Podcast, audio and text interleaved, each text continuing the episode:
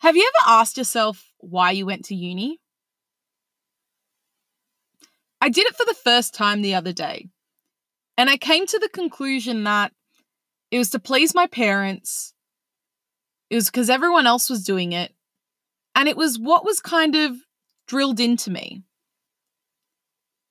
I didn't go into it thinking about it. The going to uni wasn't a choice. The only choice I felt I had was choosing which course to go down.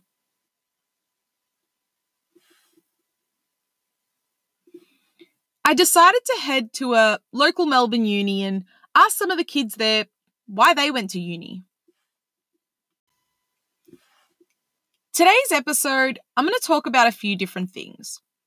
I learned recently about something called signaling theory, which I found really interesting, and it gave me a new perspective of my time at university.